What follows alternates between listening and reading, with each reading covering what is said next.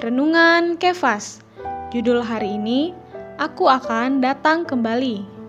Di dalam Yohanes pasal 14 ayat 3 dikatakan, Dan apabila aku telah pergi ke situ dan telah menyediakan tempat bagimu, aku akan datang kembali dan membawa kamu ke tempatku, supaya di tempat di mana aku berada, kamu pun berada. Syukur pada Allah. Kini kita mempunyai penyertaan Tuhan di dalam batin kita. Namun, apakah kamu merasakan dunia ini begitu jahat, najis, tidak tentram, dan penuh penderitaan? Dunia ini tidak dapat dibandingkan dengan rumah surgawi yang terang, kota kudus yang mulia yang disediakan oleh Tuhan bagi kita. Ketika Tuhan datang untuk kali yang kedua, Dia akan mengangkat kita dari sini ke rumah Bapa kita yang di surga.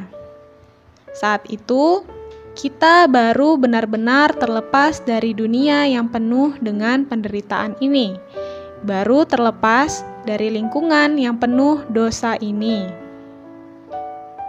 Sobat Kefas, kita perlu baik-baik merenungkan kehidupan kita hari ini Bila kita tahu Tuhan akan datang kembali, mari kita menempuh kehidupan yang bijaksana agar kita dapat terangkat. Jangan sampai kita terbuai oleh dunia yang jahat ini. Kita harus menempuh satu kehidupan yang setiap pagi datang kepadanya dan di sela-sela kesibukan tetap meluangkan waktu untuk berdoa. Untuk itu, mari kita berdoa. Tuhan Yesus, aku mendengar bahwa Engkau akan datang kembali, membuat aku semakin bertobat.